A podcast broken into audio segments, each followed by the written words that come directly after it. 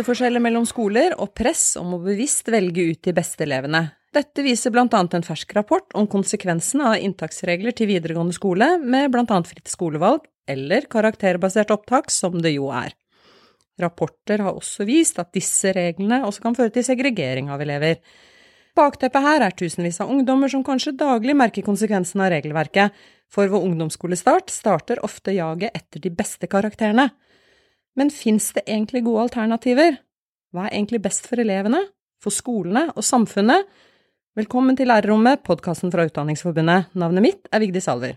Og jeg heter Arun Gaars. Ja, i denne episoden snakker vi altså om opptak til videregående skoler. Reglene for dette varierer mye, avhengig av hvor du bor. Og det vanligste er å basere seg på karakterer eller nærskoleprinsippet, eller en kombinasjon av disse. Men reglene for opptak er stadig i spill, blant annet på grunn av politiske uenigheter og prosesser. Om det skal være karakterbasert opptak eller ikke, bestemmes inntil videre lokalt, selv om regjeringen tidligere har programfestet såkalt fritt skolevalg for hele landet. Og med oss inn i denne episoden så har vi som vanlig veldig kompetente folk, og denne gangen så er det deg, Marianne Nordli Hansen. Du er professor ved Institutt for sosiologi og samfunnsgeografi ved Universitetet i Oslo. Og så har vi deg, skoleforsker Cecilie Rønning Haugen, professor i pedagogikk og spesialpedagogikk ved NTNU i Trondheim. Velkommen til deg. Takk skal du ha. Først til deg, Cecilie Rønning Haugen. Vi refererte jo annet til forskningen din innledningsvis her, og det er Oslo-skolen du undersøkte. Hva kan du si om hovedfunnene?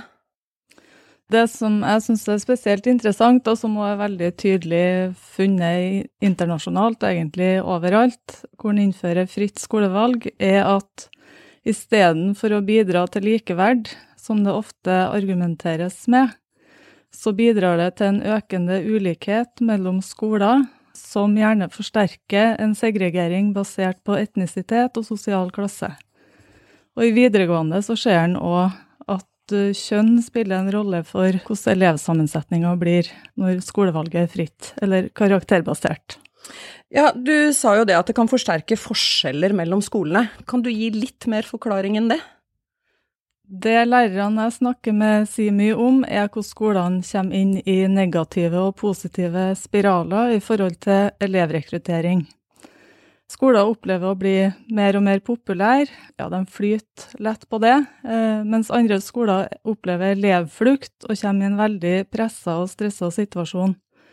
Det medfører òg at elevgrunnlaget blir stadig mer segregert i forhold til sosial klasse og etnisitet, da, som jeg nevnte.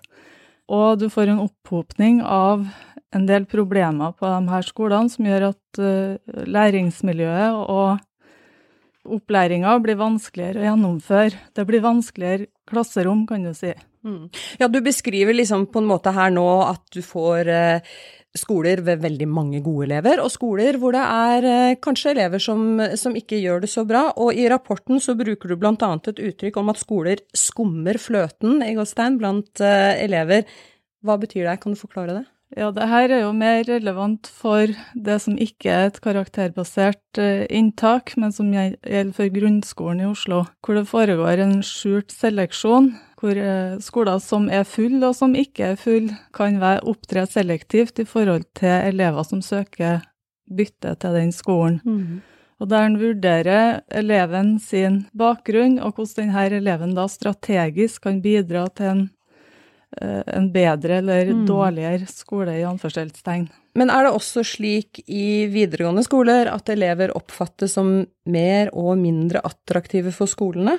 Ja, det gjelder i høyeste grad der òg, for at mm. når en snakker om kvalitet i skolen, eh, og det her er jo et veldig vanskelig begrep, for at skoler som gjerne oppfattes som attraktive og populære og av høy kvalitet, som gjerne omtales som det, det her har veldig mye med elevsammensetninga å gjøre. Eh, mer enn at du kan si at det har med at den skolen her driver en kvalitativt bedre undervisning. Mm, så du vil si det sånn at noen elever har høyere verdi enn andre, rett og slett? Ja, og det er det som er det alvorligste ved det her systemet, syns jeg. Det er ikke bare elever som konkurrerer om å komme inn på skoler, men skoler konkurrerer òg om elever. Men eh, du har jo beskrevet eh, Oslo-skolen, men du har også sett på annen forskning fra andre land, og er det grunn til å tro, eller er det bildet du beskriver fra Oslo-skolen, er det slik andre steder også? Andre steder i landet, i andre byer? Jeg har ikke noe grunnlag for å si hvordan det er i andre deler av landet, men i forbindelse med et oppslag i VG så ble jeg kontakta av en lærer i ei bygd som jobber i videregående der. Så sier han at uh, her må dere være klar over at dette ikke er et byfenomen. Dette slår òg sterkt ut i bygda, hvor vi driver en skole og hvor vi eh, bruker utrolig mye tid på å konkurrere mot hverandre for å prøve å rekruttere flere elever. Dette tar utrolig mye tid for oss, sier han. Og når jeg ser på svensk forskning som har sett på forholdet by og bygd, så konkluderes det der òg med at det er veldig store deler, eller i Bygde-Sverige, som òg rammes av det her og hvor elever da tenderer til å dra inn mot større steder, som gjør at eh, en del kommuner blir stående igjen med et eh, svekka elevgrunnlag og et vanskeligere, vanskeligere å drive et skoletilbud. Samtidig øker dette presset på de stedene som elever flytter til, hvor konkurransen òg blir sterkere om å få tak i de her elevene. Eh, Marianne Nordli Hansen, eh, hvorfor er det et problem at elevene med de laveste karakterene samles på noen skoler, og elever med de høyeste karakterene samles på andre? Det er jo et problem fordi at det blir store, særlig på de skolene hvor det samles elever med veldig et lavt karakternivå, så blir det store problemer med motivasjon, læring. Eh, dette har det vært veldig mange avisoppslag eh, de par siste årene, og disse skolene ligger i hovedsak på, altså nå snakker jeg om Oslo, på, på Oslo vest. Så hva var det andre spørsmålet Nei, du jeg, jeg, jeg, lurer på altså, om du kan beskrive litt hvordan eh, For folk som ikke kjenner så godt til mm. Oslo-skolen, altså hvordan, hvordan, ser det ut her? Hvordan ser denne segregeringen som du, eh, du eh, var inne på, hvordan ser den ut her i Oslo? I Oslo så er det sånn at det har blitt utviklet et system med A- og B-skoler. Det er en veldig sterk tendens. Det var man veldig bekymret for for mange år siden, da det ble innført dette systemet med karakterbasert inntak til skolene. Og denne bekymringen har slått til fullt ut.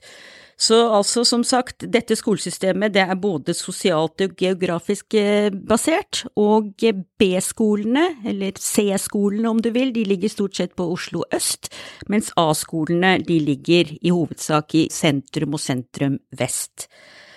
Og eh, sånn som jeg ser det, så er hovedproblemet med dette at det er et veldig stort demokratisk problem, for dette medfører at elever med ulik sosial bakgrunn og eh, innvandrerbakgrunn, de treffes ikke i skolene.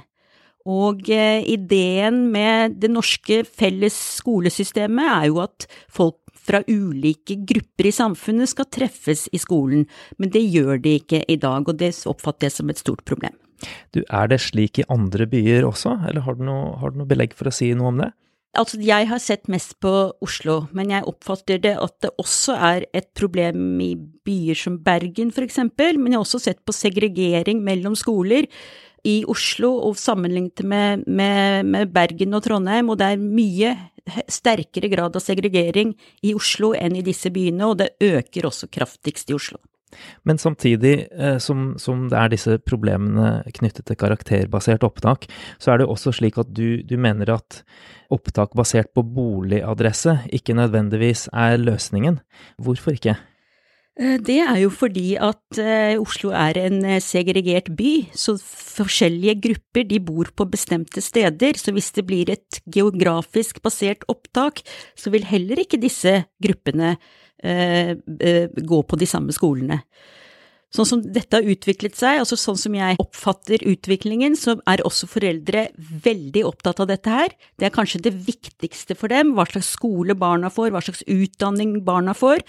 Så de er villige til å gjøre ganske mye for at barn skal gå på det de oppfatter som en god skole. Og dette vil føre til, altså hvis man går tilbake til geografisk basert opptak, til at boligprisforskjeller i Oslo blir enda sterkere. Fordi foreldre er villige til å betale veldig mye for å bo i nærheten av skoler som oppfattes som gode. Du er jo skoleforsker, eh, Rønning Haugen, og kan det ikke være noe positivt ved et karakterbasert eh, opptak, f.eks. For, for veldig skoleflink og opptatt ungdom som får noe å strekke seg etter for å komme inn på akkurat den skolen de ønsker? Eh, jo, det kan godt hende at det fungerer som en motivasjon for eh, en del elever og, for å strekke seg lenger. Samtidig så er det, i hvert fall internasjonalt, så er det påpekt at det her òg kan medføre ganske mye stress. Både i forhold til hva han skal velge, at han er bekymra for om han ikke kommer inn på den riktige skolen, at han er bekymra for at han ikke kommer sammen med kamerater, eller at, ikke, eller at alt baseres på om du oppnår de riktige karakterene. Samtidig så syns jeg at det er ganske viktig å tenke på hva er rettferdighet i dette systemet. For det er en spesiell form for rettferdighet som, som fremmes, og det er egentlig den sterkestes rett. Og det er sånn at det er en sterk sammenheng mellom eh, skoleprestasjoner og sosioøkonomisk bakgrunn, f.eks. Eh, så det her tenderer jo til å styrke de allerede privilegerte sine rettigheter i systemet. Og det, det gjelder både valg av skole eller i forhold til hvordan skolen kommer inn på. Du er jo inne på det i rapporten din også, fordi eh, det er jo de sårbare elevene, de som fra før er sårbare. Og hva slags ekstra press er det de kan oppleve ut fra et sånt system, elever som kanskje har spesielle behov? Det lærere snakker om til meg, da, er at eh, det er mange elever som går på en skole de ikke har valgt, eh, som gjerne har en lang reisevei og som derfor heller ikke har en spesiell motivasjon for å gå akkurat på den skolen de skal gå på. Andre problemer som trekkes fram, er stigmatisering, som kan medføre det å gå på en av de dårligste skolene, i anførselstegn. Og hvordan det her òg kan bidra til en type sosial status, eller knyttes til en sosial status hos uh, eleven. Ja, og så har du òg klasserommene som er vanskeligere enn på skoler hvor mm. elever er høyt motivert og har høye mm. karakterer, og hvor eh, lærere òg sier at vi får jo veldig mye gratis av å jobbe på de skolene her, for at elevene gjør veldig mye sjøl. Og det er det jeg syns er veldig viktig å problematisere, nettopp det begrepet med kvalitet. For at eh, en skole som er populær, har ikke nødvendigvis en bedre kvalitet enn en som ikke er populær. Nei, det er interessant. Og så når det gjelder disse spesielt sårbare elevene, eh, så lener du deg også til internasjonal forskning, gjør du ikke det, OECD, som jo viser at, at det er spesielt sårbar for sårbare elever med fritt skolevalg. Er det noe mer du kan si fra den forskningen? Eller det som er ganske entydig, da, er at, eh, at fritt skolevalg, hvis du ikke regulerer det på en vis, så vil det føre til økende forskjeller og det vil skape særlig vanskelige opplæringsvilkår for elever som allerede er sårbare. Det, det tror jeg veldig få er uenig i. Eh, og Derfor så er det òg ganske sterkt når OECD gir en så tydelig tilbakemelding til Sverige om at nå bør dere begynne å regulere det frie skolevalget, for det her går helt galt av gårde. Og denne tematikken forstår jeg egentlig ikke at det er politisk kontroversiell engang, for at det her er, er ting som skjes og oppleves uh, overalt hvor du lar det her slippes fritt. For å holde oss til det internasjonale, i Storbritannia, Nederland og USA, så prøver man ut forskjellige inntaksordninger for å unngå like elevgrupper, og dette innebærer bruk av lotteri, som også nylig er foreslått brukt i Sverige, men også kvoteordninger basert på den enkeltes prestasjoner. Og Nordli Hansen, eh, lotteri og slike kvoteordninger basert på prestasjonsnivå, er det, det er jo noe du også har tatt til orde for. Kan du beskrive hvordan du ser for deg at disse ordningene kan fungere? Ja, ehm, det jeg har foreslått kanskje sterkest, er at man bruker lotteri i sterkere grad. Og det betyr altså at eh, sånn rent praktisk så kan elever søke seg til hvilken skole de vil. Nå tenker jeg på videregående skoler. De kan for eksempel rangere tre skoler, sånn som de gjør i dag, og hvis det er sånn at det er flere søkere enn plasser på en skole, så kan det arrangeres et lotteri på denne skolen, sånn at det er tilfeldighetsprinsipp som avgjør hvem som kommer inn. De som ikke kommer inn, de sendes da videre til sin andre skole, den, den de har som andre prioritet. Så da kan det også arrangeres et nytt lotteri på denne skolen. Du nevnte også dette med prestasjonskvotering. Det er også sånn at elever da søker på ønsket skole, så begge disse ordningene gir en stor grad av valgfrihet. Man kan bestemme seg for hvilken skole man ønsker å gå på. Så altså elevene søker seg på ønsket skole. Og så, hvis det er eh, flere søkere enn plasser, så deler man da søkerne for eksempel i fire grupper etter prestasjonsnivået i Oslo som helhet, hvis vi tenker på Oslo. Og så fordeles da plassene likt mellom elevene på disse fire prestasjonsnivåene. Så da vil man få en mer lik prestasjonsfordeling på skolene. Men eh, vil ikke dette også føre til mer byråkrati?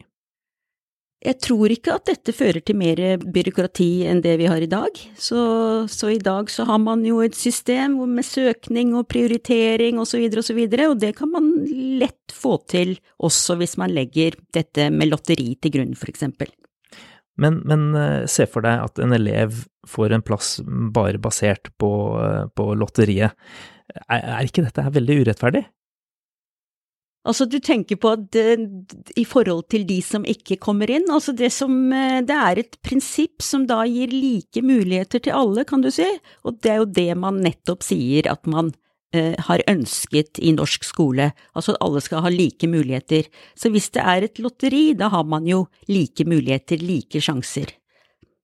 Eh, ser du for deg noen andre alternativer enn disse to vi har snakket om her? Um, Altså, jeg har prøvd å gå gjennom litt forskjellige muligheter. Det er også en uh, mulighet med at man har uh, kvotering etter, uh, etter bosted eller sosioøkonomisk bakgrunn eller lignende. Men det syns jeg må være problematisk, fordi at da vil det bli mer et stigma knyttet til det å komme inn på en bestemt skole, og da gjør man ikke noe med dette prestasjonsprinsippet, som er det viktigste, men man lar noen på en måte komme inn selv om de har et lavere karakternivå. Det oppfatter jeg som uh, uheldig. Ja, loddtrekning eller kvoter. Uh, Renning Haugen, hva, hva tenker du om dette? Jeg syns det er vanskelig å, eh, å, mene noe bestemt om det. i forhold til, Jeg syns det er vanskelig å se for meg hvordan det slår ut, og at det kan gjøre det i ulike kontekster. Men det høres fornuftig ut, det som Marianne sier her. Men vil ikke dette være det samme som å si til ungdommen at det ikke er noe vits i å jobbe hardt med skolen? Man får jo en plass på en av de tre skolene man ønsker seg likevel. Det er mulig at eh, dette vil virke demotiverende for noen, men samtidig, som vi har snakket litt om, så er det jo uheldige sider ved dette sterke karakterjaget. Det står jo igjen stadig avisreportasjer hvor psykiatere advarer mot eh, følgene av det sterke karakterpresset. Så er det også sånn at hvis du har eh, altså karakter et karakterpress kan virke motiverende hvis du ligger høyt oppe. Men hvis du ligger lavt nede, så er ikke et karakterpress motiverende, det er demotiverende. Så det er ikke nødvendigvis sånn at dette systemet vil virke mer demotiverende hvis man ser på elevgruppa som helhet. Og med det sier vi tusen takk til gjestene våre, Marianne Nordli Hansen og Cecilie Rønning Haugen, og tusen takk til deg som lyttet på. Og vi høres igjen i neste episode av Lærerrommet, og vi lover deg et engasjerende tema og dyktige gjester da også. Husk å abonnere på Lærerrommet i din podkastkanal, og fortell gjerne om oss til noen du kjenner. Ha det godt. Ha det.